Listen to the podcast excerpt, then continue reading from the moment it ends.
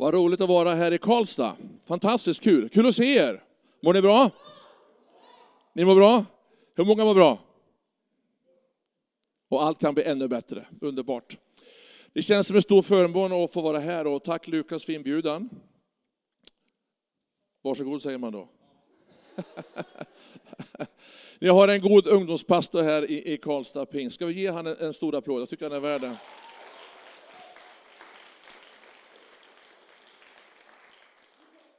Eh, jag måste faktiskt säga det att eh, det är inte varje månad, varje år som jag blir inbjuden att tala till ungdomar och unga vuxna därför att åren går.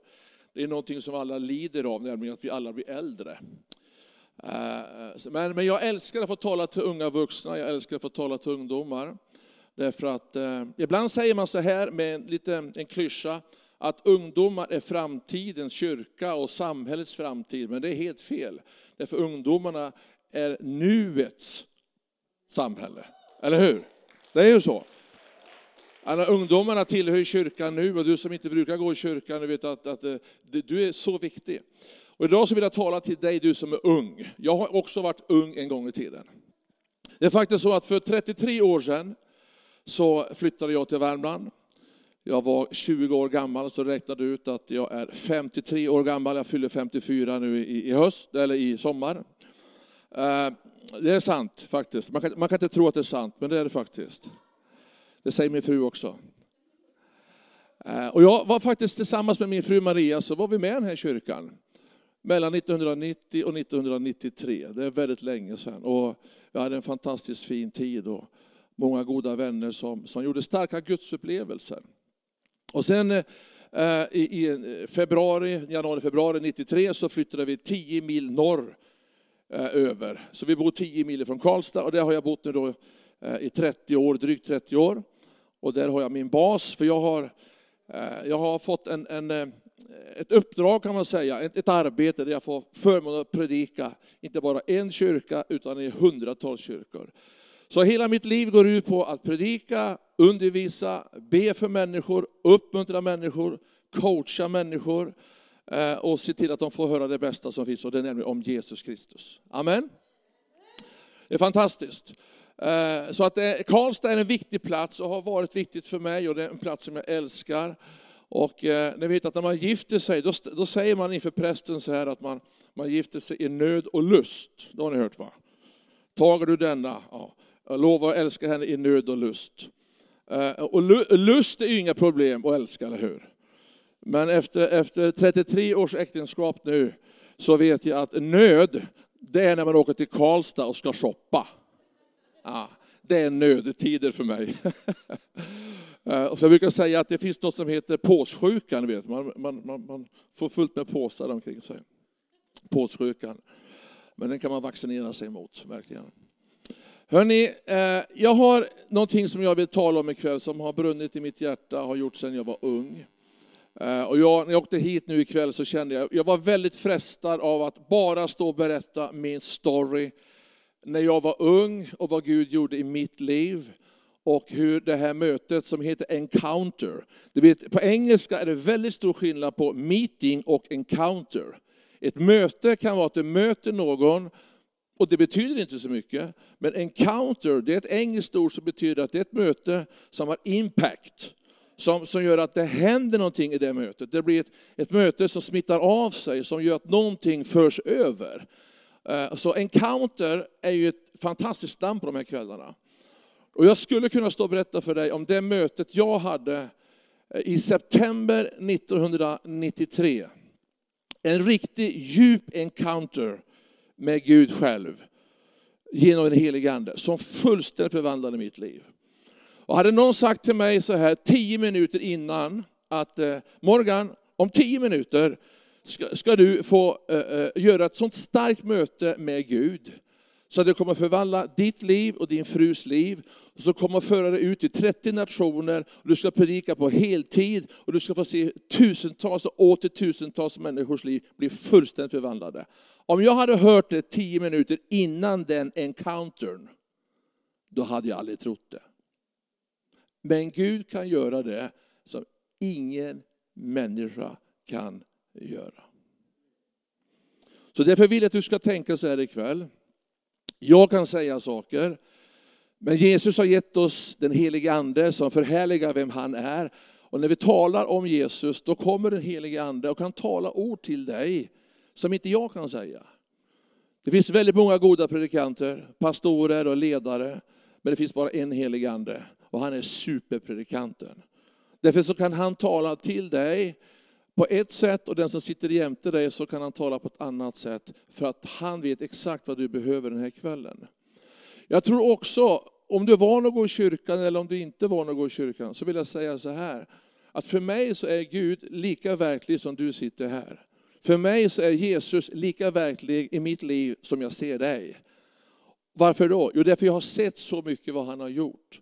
Därför så vill jag också säga så här, att om du sitter här och känner att du brottas med saker i ditt liv som du inte har berättat för någon, han ser dig. Han ser dig. Du som kanske är sjuk i din kropp ska veta det, Gud kan faktiskt hela dig. Jag skulle, jag skulle, kunna skriva böcker tror jag om helande mirakler som man har sett. Men det behöver man inte göra därför att det är Gud som ska ha all äran. Men jag vill bara säga det att för Gud är allting möjligt. Det är det som är kyrka på riktigt. Kyrka är inte en väntsal på att någonting ska bli bättre. Kyrkan ska vara fylld av kärlek, uppmuntran, inspiration och Guds kraft. Amen. Du får säga amen, du får säga någonting som känns bra för dig, okej? Okay? Jag vet inte hur van du är att gå i kyrkan. Har du Bibeln med dig? Eller appen? Har du det? Du vet att det finns så många olika typer. Idag har jag med mig den här. Jag tänkte jag måste vara lite cool idag när jag kommer till kyrkan. Ungdomarna har ju bara sådana här. Eh, I Matteus evangeliet så finns det ett sammanhang, jag vill bara eh, läsa början här. Matteus kapitel 4 och vers 18. Du vet, när jag var ung och när en pastor sa så, vi ska läsa det där bibelordet, då hörde man massa bibelprassel. Men den tiden är förbi. Nu är det appar. Då står det så här, när Jesus vandrade längs Galileiska sjön så såg han två bröder, Simon som kallas Petrus och hans bror Andreas. De stod och kastade ut nät i sjön för de var fiskare. Vi bara stannar där. Här ser du två stycken killar som är mitt i vardagslivet. De eh, var fiskare, de hade det som profession, de var ganska unga, men de kunde fiska. En fiskare som har det som ett arbete, han vet att man måste ha olika kastspön, det måste ha olika drag och olika linor eh, beroende på var någonstans du fiskar. Jag tror också att de här killarna hade en dröm, precis som alla vi har när vi är unga en dröm om att eh, kanske utbilda sig och bli någonting. Och jag tror att de här killarna, de kanske hade en dröm att, att det här företaget det skulle växa. De skulle investera i nya båtar, nya fiskeredskap och så skulle de kanske kunna anställa fler. Så det fanns säkert en dröm hos dem att det de stod i mitt nu, det skulle växa. Och så kommer Jesus, för det står så här att eh, Jesus kommer gående där och så säger han två ord egentligen, eller några ord. Kom och följ mig. Är det någon som har försökt att säga det till någon någon gång? Kom och följ mig. Hur svårt är det inte att få folk att följa? Det vet Lukas som ungdomspastor. Eller hur? Kom och följ mig. Och när han säger det så tror inte jag att han höjer rösten för att förstärka argumenten. Jag tror inte att han skriker, jag tror inte att han gör sig till. Utan Jesus kommer gående där. Och på det, Bibeln säger att, att Jesus var sann Gud, men han var också sann människa. Betyder att han hade en gudomlig natur, men han var också sann människa. Han åt vanlig mat, till exempelvis. Och därför kunde han lätt identifiera med människor. Så när han kommer och går där ut med stranden så, så ser han de här två killarna mitt i vardagslivet. Och så säger han bara, hörni grabbar, kom och följ mig. Då står det inte att de säger så här, ja, schysst, kul att du säger det, men du, vi har fullt upp här. Eh, kan du komma tillbaka imorgon? Så kanske vi ska, kan fundera lite på det. Nej, det står att de genast så lägger de bara ner allt. Och ju oftare jag läser den här bibeltexten, en enkel text, så blir jag mer och mer fascinerad av det ju äldre jag blir. Vad var det egentligen som hände? Hur kan en man komma gåendes längs med en strand och de jobbar febrilt och så säger han bara lugnt, hörni, kom och följ mig. Och så genast så lägger de ner allt och så följer de honom. Är inte det märkligt? Det innebär att det måste ha varit någonting i hans ord som var en sån attraktionskraft. Så när han kallade på deras namn och sa, hörni grabbar, jag ser att ni fiskar, det går ganska bra för er. Men nu ska ni inte fiska fisk längre, nu ska ni fiska människor. Vad är det egentligen Jesus säger? Jo, lyssna här nu. Jesus är på riktigt, Jesus har inte förändrats. Han är densamme idag. Bibeln säger att Jesus är densamme igår, nu och i all evighet. Det betyder att även i vår tid så kallar ju Jesus på människor. Han, han säger vårt namn och säger, hörni, jag ser att ni håller på med det och det, men följ mig nu. Det innebär inte att du ska lägga ner ditt arbete. Hör ni det? Men han säger är det att nu ska inte ni fiska fisk, nu ska ni fiska människor. Vad är det egentligen han säger? Jo, lyssna nu. Då säger han så här, jag har sett den här talangen som ni har. Ni kan det här, ni kan fiska.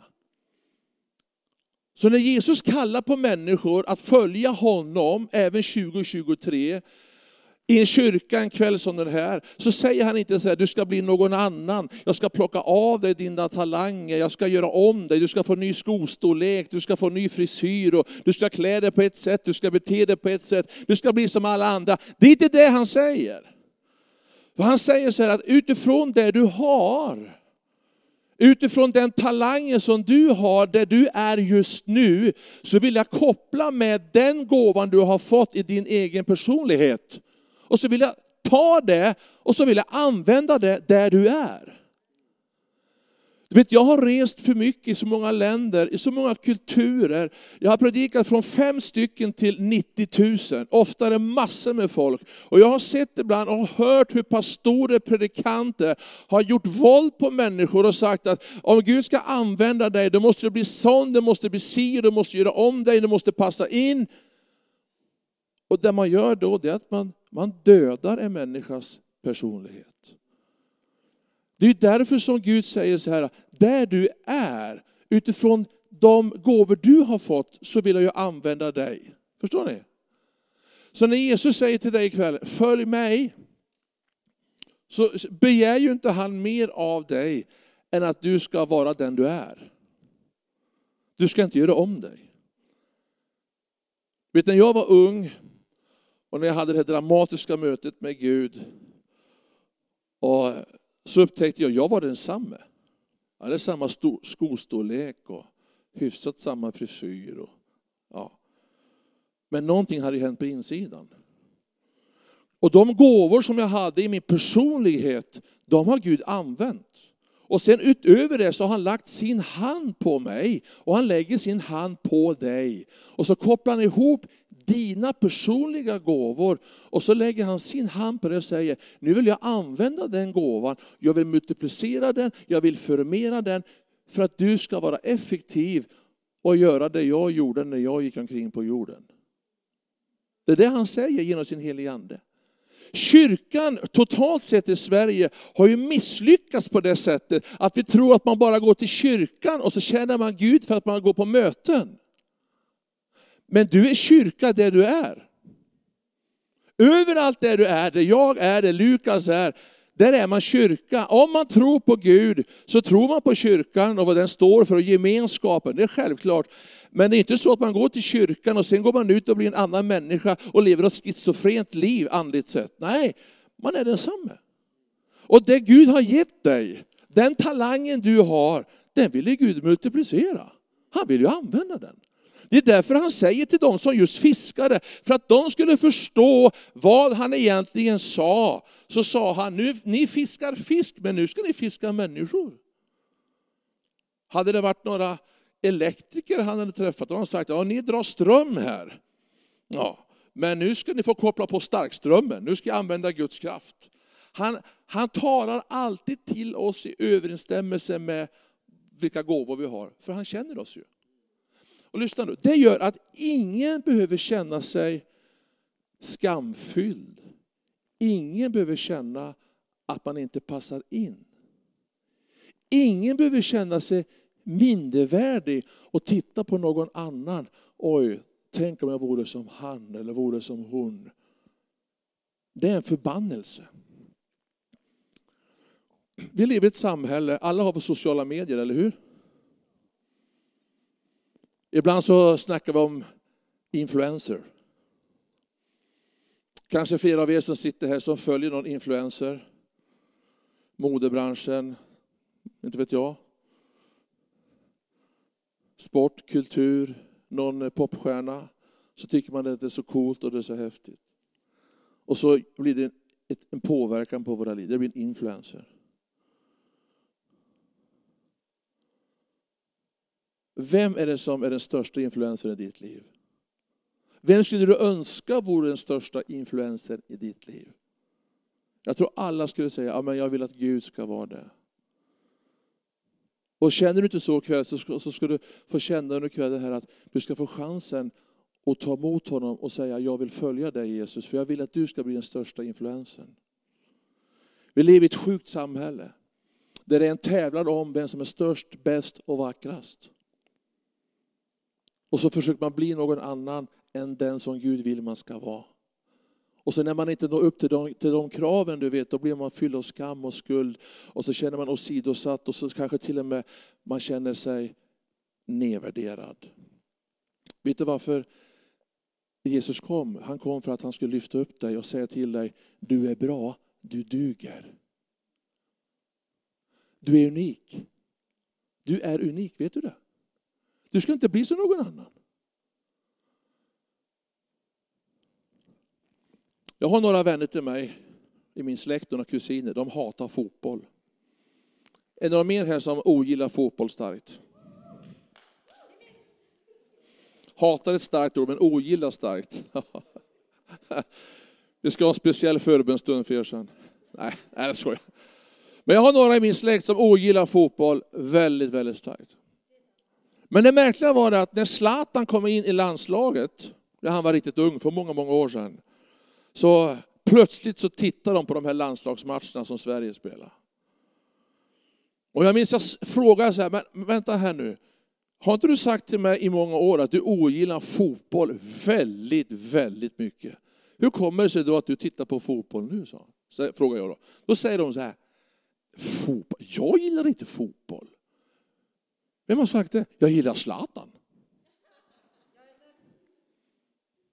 Och då frågar jag, men vänta här nu, du tittar på fotboll, men du bryr dig inte om fotboll, men du tittar på Zlatan. Självklart. Okej? Okay? Och varför är Zlatan så fantastisk för dig då? Ja, men han är ju så unik. Jaha, hur då? Han är den som bryter mönstret. Han är irrationell. Han kan ju avgöra match på egen hand. Han kan göra en, en klackspark som friställer försvaret så att backarna vet, de är som bortblåsta. Och så kan han göra det som ingen har förväntat sig. Han är helt unik, därför gillar jag fotboll. Gud säger till dig och mig, till och med pastorer i Sverige säger att vi är unika. Och Gud säger att vi är unika. Men visst är det märkligt ibland att när vi då är unika, och vi sticker ut och vi får vara de vi är.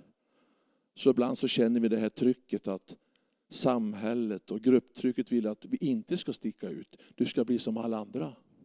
Har ni känt det? När jag var ung så kände jag det. Men nu vill jag säga till dig, när Jesus gick omkring och när han träffade de första lärjungarna och när han kallade dem vid namn, då förstod inte de här killarna hur deras liv skulle bli. Vilket äventyr. Men Jesus såg längre.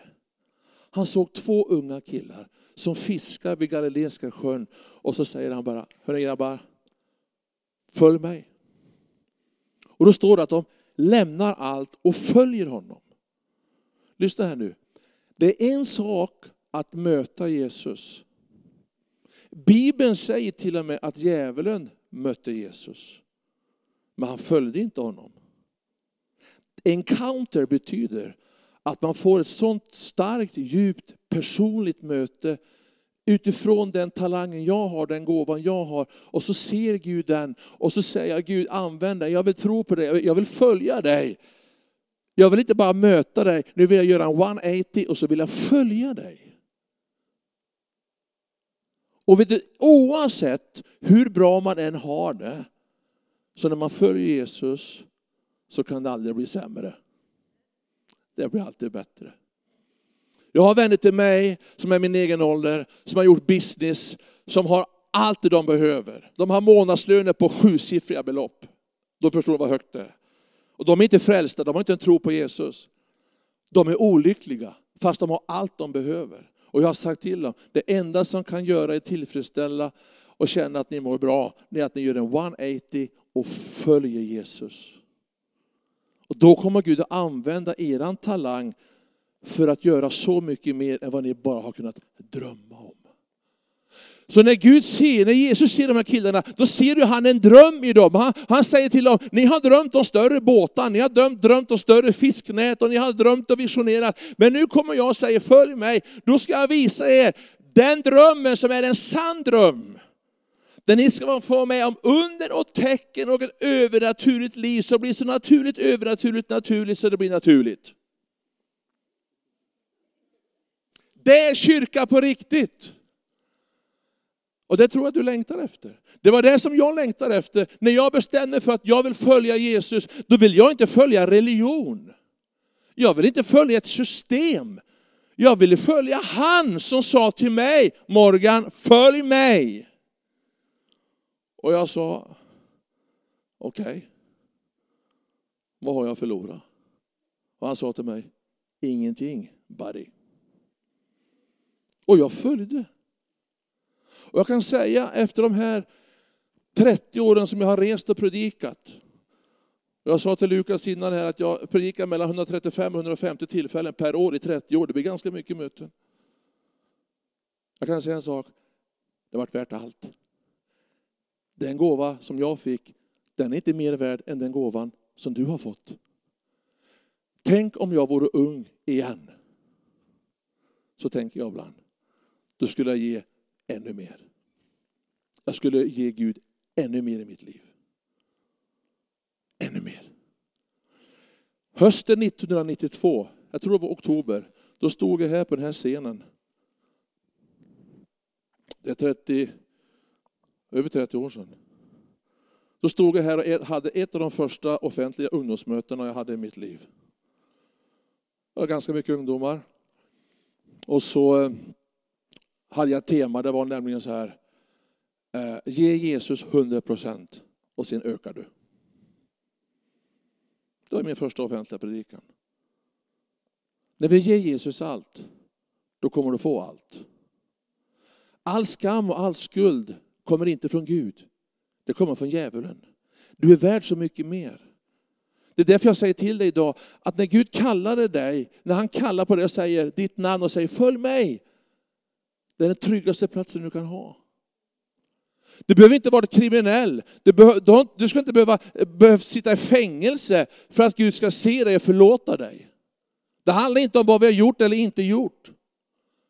Ibland när jag reser i andra länder så möter jag dem som har fått betala ett högt pris, suttit i fängelse, gjort det ena och det andra, suttit 10, 15, 20 år. Och det är fantastiskt. Men den som inte har suttit i fängelse, det är lika fantastiskt den som blir frälst och följer Jesus. För börjar vi värdera på det sättet, då är vi farligt ute. Därför Gud säger i sitt ord att alla är lika mycket värda. Är inte det underbart? Och det finns samma potential i varenda en av oss. Men då måste du säga Jesus, jag vill att du flyttar in i mitt liv. Jag vill att du ger mig av din kraft. Låt mig få drömma dina drömmar. Tack att du vill använda mina talanger, mina gåvor. Alla kan inte bli predikanter och stå liksom på plattformen. men där du är kan du göra skillnad. Jag har många vänner till mig som har, som har sekulära vanliga jobb. Och de får, Gud, alltså, de får se sådana mirakler. De får föra människor till tro. De får sitta i samtal efter samtal för att människor hungrar och längtar efter och frågar, vem är Gud? Jag har en vän till mig som är läkare. Han bor i Norrland. Han opererar, han är sån här hjärnkirurg, han opererar tumörer i hjärnan och så här. Och han, han, är, han, han är härligt frälst, som man säger i kyrkan. Härligt frälst. Ja, för är man frälst är det härligt. Mm. Och han berättade för mig bara för ett tag sedan hur han, hur han känner hur Gud använder honom i sin profession. När människor kommer in och de ska operera bort hjärntumörer. Och han berättade att det har varit tillfällen när man inte har sett någonting liksom på, på röntgenbilderna och det varit diffust och så har man öppnat upp och så har man inte sett någonting. Men så har någonting i honom sagt att men, titta bakom det där. Och som har tagit upp lite ännu mer och som har sett och där fanns det någonting som inte man såg och som man tagit bort det. Så han har räddat livet på många, sa han, för att han har varit ledd av Gud. En sån enkel sak.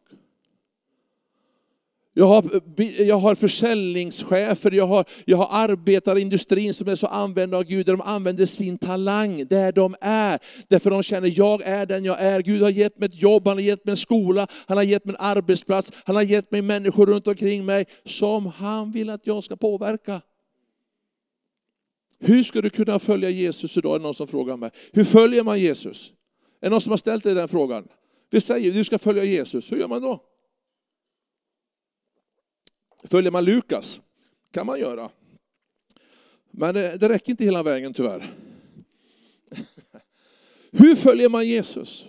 Om vi nu ska göra en encounter och han säger till dig, jag kallar dig vid namn.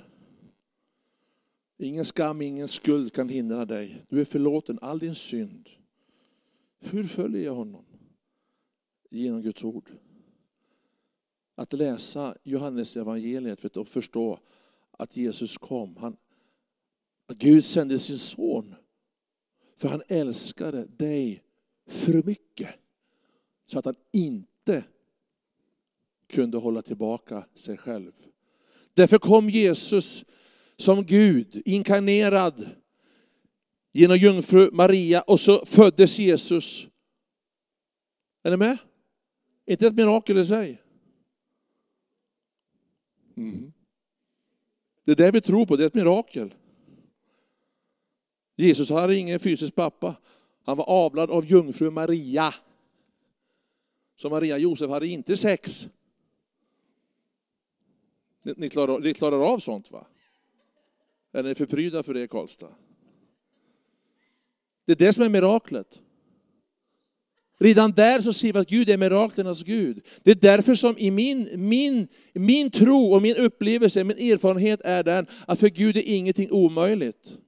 Det är därför som du kan sitta här, precis som jag gjorde tio minuter innan Gud kom och tog mig, och tänka, men vad, vilken framtid har jag? Hur ska Gud kunna använda mig? Watch out!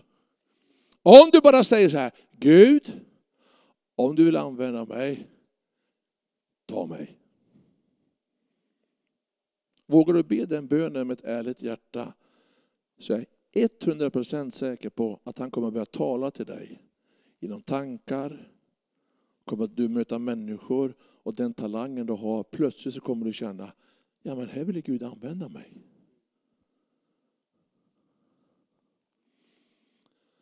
Min farmor, hon var det man i Bibeln kallar för en profetissa. Hon hade en förmåga att kunna, ja vi går inte in på det, men hon var en stark Guds kvinna. Han starkt tro på Gud. Och när jag var 13-14 år så sa hon till mig så här, och det har jag burit med mig. Och det vill jag säga till er ikväll. När vi talar om kallelsen och att Gud har en tanke för dig. Så sa hon så här, Morgan, när djävulen kommer och påminner dig om din historia. För alla kan vi bara säga att vi har inte varit Guds bästa barn, eller hur? Är det någon som har varit det så är det bara att gratulera. Men all, all, alla, Bibeln säger att vi har alla varit syndare. Vad är synd? Det som skiljer oss från Gud. Men då sa farmor till mig när jag var ung, att när djävulen kommer i framtiden och påminner dig om din historia, då ska du påminna honom om hans framtid. Alltså fienden, djävulen. För han, han ska inte påverka dig. Och då kanske du tänker så här, ja men finns han? Men hallå. Snälla, läs riksmedia. Finns inte ondskans makter? Tror inte att ondskan finns? Det är klart den gör det. Det var därför Gud sände Jesus. För vi var redan på väg till evigt fördärv. Det var därför han sände sin son, så vi skulle få möjligheten att slippa gå den vägen. Och då säger han till dig ikväll så här, var är du som vill följa Jesus? Mitt i din skolgång, mitt i vardagslivet, så kommer han och så frågar han dig ikväll. Följ mig. Vill du det? Hur följer jag honom? Genom att läsa Guds ord. Genom att be. Vet du, bön är inte en nödlösning. Bön är inte någonting man gör på en tisdag, torsdag kväll i kyrkan och går hem och sen så. Bön är en livsstil. Bön är lovsång utan musik och lovsång är bön med musik. Det är en relation. Det är därför inte man kan säga hur mycket ber du?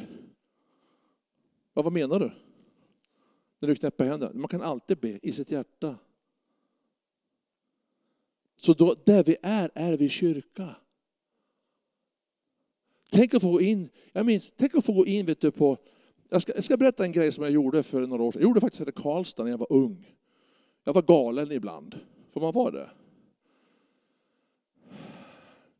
Jag gick in här på en klädbutik och så köpa lite kläder. På den tiden så fanns det CD-skivor, vet ni vad det är? Det var det som kom efter kassett.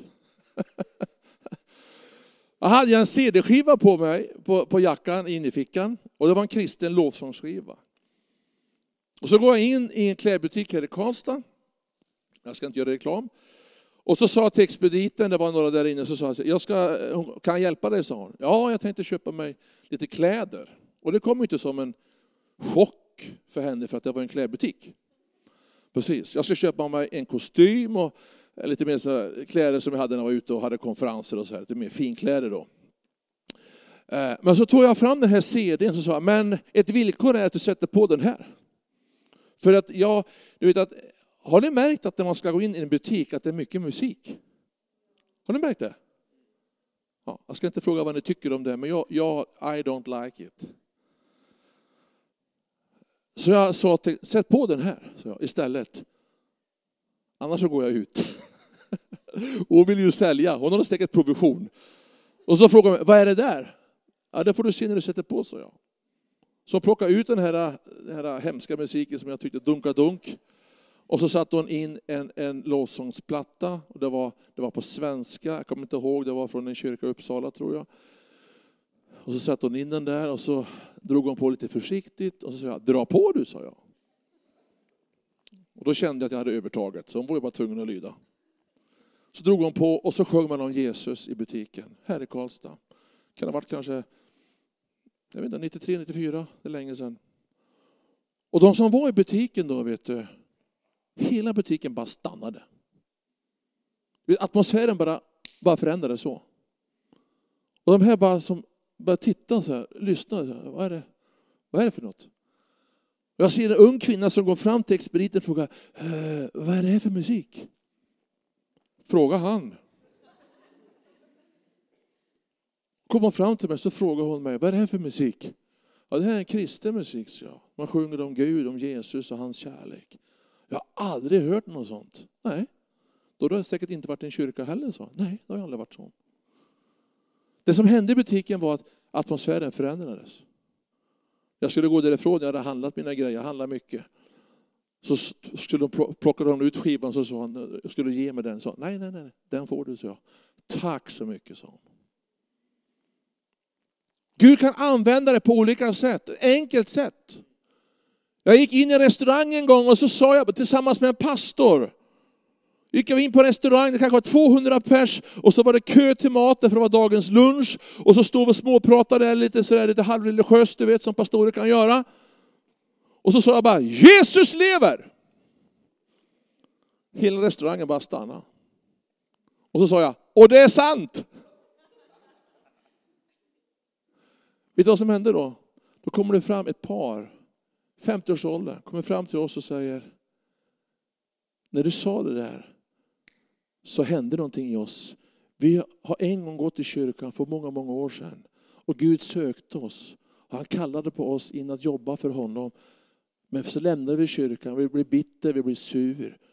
Men när du ropar ut att Jesus lever, någonting hände i oss. Det slutade med att vi fick be med dem på restaurangen, profetera över dem, profetera in liv i, i dem. Och de fick modet tillbaka. Och så sa de när vi skildes åt, nu vet jag i, återigen vad jag är kallad till.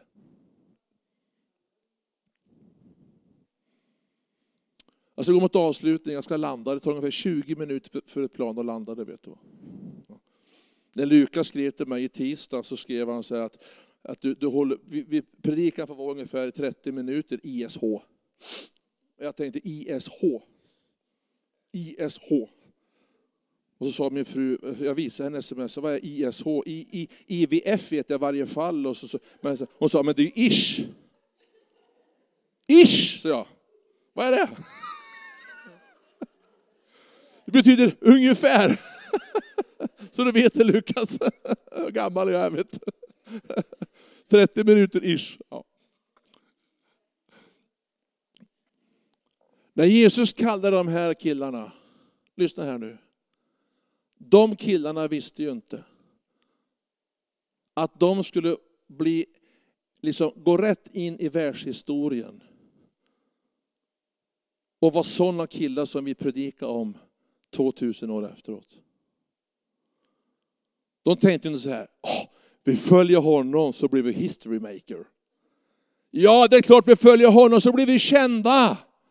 Vi blir, vi blir promotade och alla kommer att tala om oss. Fantastiskt, kom vi drar. Nej, de följde bara för att han sa följ mig. De visste ingenting om vad som väntade. Så de gick in i någonting som de inte fanns till. Men de, när de gick in i det som inte fanns till så blev det till. Det betyder att man gick i tro. De vågade lita på vad han sa, för de kände att det andades kärlek och omsorg. Och när Gud kallar oss vet du, med sin kärlek så har han sagt i sitt eget ord att han aldrig kommer att lämna dig. Han kommer alltid att älska dig oavsett vad du gör i ditt liv. Det är därför som Bibeln säger det finns ingenting som är för svårt, för hårt, för omöjligt för Gud att förlåta. Ingenting.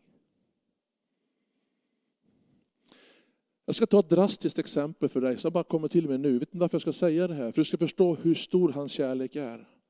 Ett exempel från ett land i Skandinavien som är ganska likt Sverige och det är Finland. Jag var på en plats som heter Seinäjoki och predikade för några år sedan. Ungefär 2000 människor är det på en söndag där. Det är 1000 personer på bönemötet varje onsdag. Man tror på bönens makt. Men 2000 personer en söndag. Och jag hade möten onsdag till söndag. På den här onsdagskvällen det var bön, då är det lovsång en timme, predikan en timme och så är det bön sen i två timmar, oftast mer. Och då, på den tiden så kom det bussar från Ryssland och in och så hade man klippkort och man fick bönenummer och så här man skulle be för tusentals människor. Under den här kvällen när jag står och predikar så kommer det en kvinna, kanske i 35-40 års åldern och springer fram när jag gör en frälsningsinbjudan, vilka som vill bli frälsta och få sina synder förlåtna. Så kommer den här kvinnan springande fram. Jag märker att många känner igen henne. Man ser på henne att hon är härjad, att hon har slitna kläder, man såg i ansiktet att hon har levt ett tufft liv. Hon kommer fram till mig och hon är först fram. Det var många hundra som kom fram. Hon kommer fram först. Och jag frågar lite försiktigt, hon kunde prata lite svenska och engelska också, många kan ju det i Finland, svenska. Så säger hon, och hon påstår ska jag säga, att hon har varit prostituerad över 20 års tid. Och hon påstår att hon har haft över tusen män. Och så säger hon, men nu vill jag kapitulera. Tror du, pastor Morgan, att det finns chans för mig att få förlåtelse? Har du hört? Och då säger jag så, du, så jag, det finns ingenting som är för svårt eller för stort för att Gud, Gud skulle förlåta dig. Så bad vi en frälsningsbön, hon bad efter, ifrån sitt hjärta. Och sen kom Guds kraft över henne, Guds kärlek och bara badade henne helt ren. Så kom hon tillbaka på lördagen, kommer in i kyrkan. Man, tror, man kan inte tro att det är samma människa. Helt förändrad. Det bara lyser om henne. Och då säger hon så här, sen i onsdags så har jag knappt kunnat sova. För jag har talat med Gud och han har talat med mig. Och jag kan inte förstå. Tänk att jag som har levt ett sånt fruktansvärt liv, tänk att han har kallat på mig. Tänk, tänk, att, tänk att det fanns någonting i mig som var en gåva som han ville använda. Det är helt otroligt. Och kan han använda mig, ja då kan han använda vem som helst. Och så hade Gud talat till henne till natten till lördagen. Och hon hade, fått, hon hade fått det man kallar i kyrkan för ett profetiskt tilltal. Hon hade upplevt Gud hade talat till henne om kyrkan.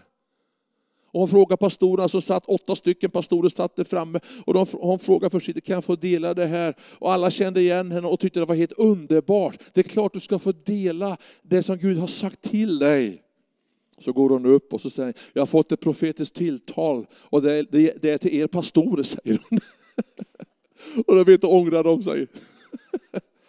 Och så börjar hon att profetera över varenda en. Ja. Och de faller ner på sina knän, pastorerna, och börjar be. Vad säger det mig? Det finns ingenting som är för svårt. Gud älskar dig så mycket så ingenting av det som finns i din historia kan skymma framtiden. För den är fantastisk. Så ikväll är det, är det encounter. Jag tror på, på möten som gör avtryck. Genom livet kanske det är ett fåtal sådana tillfällen. Jag säger inte att det är en sån kväll ikväll, men det kan få bli för någon. För mig så har det varit så det genom åren, ett antal tillfällen. Men det första tillfället, det var det starkaste. Då bestämde jag mig, jag vill följa dig Jesus. –2023. Det är fantastiskt att vara ung. Är det inte det? Ni är unga eller? Ja. Det bästa ligger framför. Jag vill säga så här från mitt hjärta också. Den här relationen med Jesus genom den helige Ande. Låt den inte förstöras. Låt ingen ta den ifrån dig, du som redan har den. Bli inte religiös. Bli inte mekanisk. Försök inte bli någon annan. Försök inte leva upp till några ideal som någon har sagt till dig. Var den du är och använd den gåva du har. Och när Gud ser tacksamheten över det, det är först då han kommer att föra dig vidare. Bibeln säger att det finns någonting som står emot honom vi, har fått en fri vilja, eller hur? Det kan, kan han inte ta ifrån oss. Men det finns en sak som står emot Guds hjärta. Och det är uppror och högmod. Varför säger jag detta? Därför att, lyssna nu. Det, låter, det, det är svårt. Att följa Jesus, det innebär att man måste säga att jag kan ingenting i min egen kraft. Det är därför jag behöver dig. De som tror att de kan och vet allt, de kommer att falla. Men de som säger Gud, jag kan inte göra någonting i min egen kraft och jag behöver dig. Hjälp mig. Hjälp mig att leva ut den gåva du har gett mig. På min arbetsplats, på min skola, var jag än är någonstans. Så kan du få bli en välsignelse för andra. Tänk att få vara det, är inte det fint? Och idag så kallar Gud på dig genom den helige Ande. Han känner dig vid namn.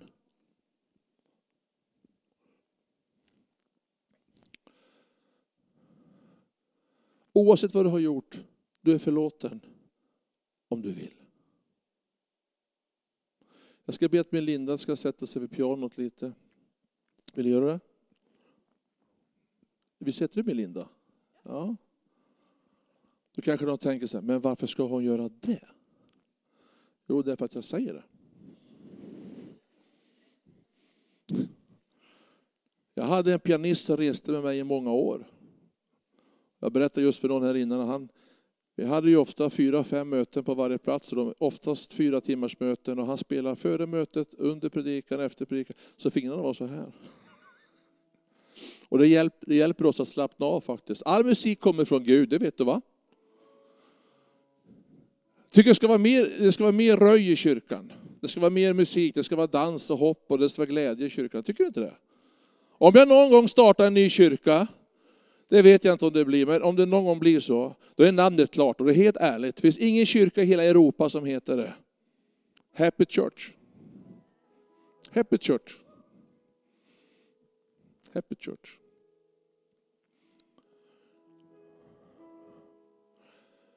Ögonblick kan bara bli ögonblick som passerar. Sen kan ögonblick bli ögonblick där du tar beslut. Jag skulle önska att vi bara kunde blunda allesammans med respekt för varandra.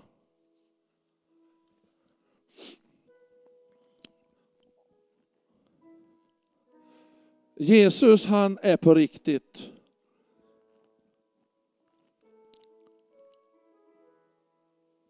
På samma sätt som Jesus kallade på de här lärjungarna, de första lärjungarna, så kallar han på dig ikväll. Du kanske redan har en tro på Jesus och det är fantastiskt bra. Men du kanske finns här också som inte känner Gud, som inte förstått vem Jesus är. Och du kanske inte, det kanske är svårt för dig att greppa ikväll också. Men bry dig inte om det där, utan du måste bara bestämma dig för om du vill börja tro. Sen, sen kan du få veta mer. Du vet att man måste inte förstå hur motor fungerar för att kunna köra en bil, du bara drar om nyckeln. Det är samma sak att om man, om man tror att Gud finns och Gud älskar dig, så säger Bibeln att man kan bara nå, hitta Gud, förstå vem han är. Och den enda vägen till Fadern, till Gud, är genom Jesus Kristus. Så det finns bara en väg till Gud, det är genom Jesus. Men det finns många vägar till Jesus. En väg det är ikväll, där du hör mig predika. Bibeln säger att tron kommer av förkunnelsen, alltså predikan, och predikan är kraft av Jesu ord. Så det kommer inte av att jag står och berättar massa historier eller försöker vara rolig eller, eller klatschig och berätta om min bakgrund och sånt. Nej, det är inte det som skapar tro. Tro kommer av förkunnelsen, av predikan, av det som står i Guds ord. Och därför så ikväll så vill jag bara fråga dig, och du ska få räcka din hand ikväll. I all enkelhet. Om det finns med någon här ikväll som som känner så här, jag vill ta det första steget och börja tro på Jesus. Jag vet inte vad kyrkan är riktigt, jag förstår inte, men jag förstår att Gud älskar mig. Att, att Gud sände sin son för att jag skulle få leva tillsammans med honom i evigheternas evigheter och slippa leva ett liv i fördärv. Då skulle du få räcka din hand när jag har räknat till tre alldeles strax. Men så kanske du finns här också och jag vill inkludera dig som har haft en tro, som till och med kanske varit aktiv i en kyrka. Men du vet att även om man är ung så kan man fejda ur. Man kan tappa sugen, man tycker att mycket i kyrkan kan vara tråkigt. Och när någonting är tråkigt då väljer man bort det och så förstår man inte varför man väljer bort det. Så bara går det och så blir det slentrian. Och så känner man själv när man ser sig tillbaka efter några år, trots att man är ung, att tron kanske inte finns där på samma sätt. Men då säger Bibeln att Gud är comebackernas Gud. Gud är alltid den som drar dig tillbaka. Han är alltid den som står med utsträckta armar och säga, jag bryr mig inte om det du har gjort eller inte gjort, skulle ha sagt eller har sagt. Jag bryr mig inte om din dumhet, jag bryr mig inte om din galenskap. Men här är jag, jag är kärleken. Ta emot mig, jag har gjort allting klart. Det är det han säger. Det är därför jag kan säga till dig att Gud är comebackernas Gud. Dig vill jag också inkludera. Du som kommer till Jesus för första gången, eller du som vill komma tillbaka till Jesus och säga, förlåt mig min synd. Det finns någonting som har gått fel, men ikväll så vill jag bestämma mig för att komma tillbaka till dig. Det är ett viljebeslut, det är inte en känslomässig upplevelse, det är ett viljebeslut. Lika enkelt som du valde att komma hit, så är det enkelt att säga Jesus, jag vill komma tillbaka till dig. Ett, två, tre. Räck din hand. Gud välsigne dig, Gud välsigne dig, Gud välsigne dig, Gud välsigne dig, Gud välsigne dig, Gud välsigne dig och dig och dig och dig. Tack Jesus. Ni kan ta ner era händer sen. Tack Jesus. Och dig. Och nu är vi många här ikväll eh, och vi har olika behov som syns eller inte syns. Jag skulle bara önska att du sträckte ut dina händer så här om det känns okej okay för dig. Och så ska jag bara be om att Guds helande kraft berör dig. Fader, jag tackar dig att du sände din son Jesus Kristus. Tackar dig Jesus att du gick upp på korset och du lät ditt liv gå förlorat, ditt hjärta brast. Och du sa att det är fullbordat. Och en ny och en levande väg öppnades in till Fadern, in i det allra heligaste. Till helande, befrielse och frälsning. Och tack att du är densamme idag. Och tack att jag får be för alla mina vänner som är här. Jag ber om att din helande kraft skulle röra de som behöver ett vidrörande. Herre, jag förlöser din kraft över dessa mina fina ungdomar som är här. Jag tackar dig för att du rör vid olika kroppsdelar, synliga och osynliga. Tack att du är den som ger oss tro i våra hjärtan, att vi kan ta emot helande på samma sätt som vi kan ta emot frälsning. Herre, jag tackar dig för att du är den som helar, du är den som gör mirakler. Tack att den här kvällen i Sverige så är det mängder av människor som får uppleva mirakler på olika sätt och helanden. Tack att du är densamme i Karlstad och tack att du höjer vår tro. Tack att du låter den helige Andes kraft få verka. Tack att du rör vid oss just nu Herre. Tack att du ser mina fina ungdomar.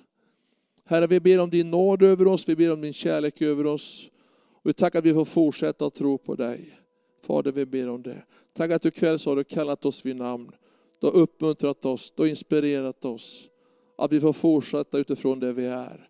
Tack att du tror på oss och vi får tro på dig Fader. Vi ber om det. I Jesu Kristi namn vi ber. Amen. Amen.